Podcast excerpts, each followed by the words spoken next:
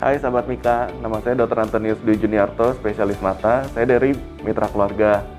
Hari ini saya akan membahas mengenai kenali gejala katarak semenjak dini. Katarak secara sederhana dapat dijelaskan sebagai kekeruhan yang terjadi pada sebagian atau seluruh bagian dari lensa mata, yang biasanya disebabkan karena proses penuaan atau degenerasi. Gejala awal bahwa Anda menderita penyakit katarak adalah satu, pandangan mata menjadi buram pada saat melihat suatu objek atau membaca suatu tulisan.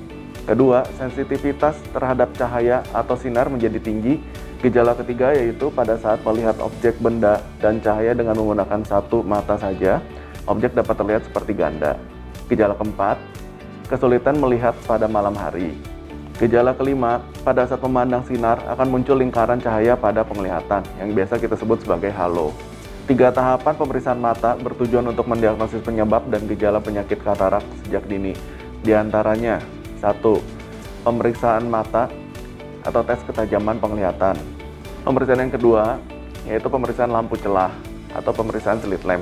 Pemeriksaan yang ketiga yaitu pemeriksaan retina mata atau funduskopi. Secara umum, penanganan pada katarak dapat dibagi menjadi dua, yaitu pencegahan dan pengobatan.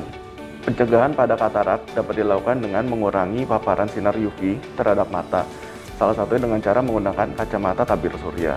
Sedangkan pengobatan umum pada katarak dapat dilakukan dengan tindakan operatif.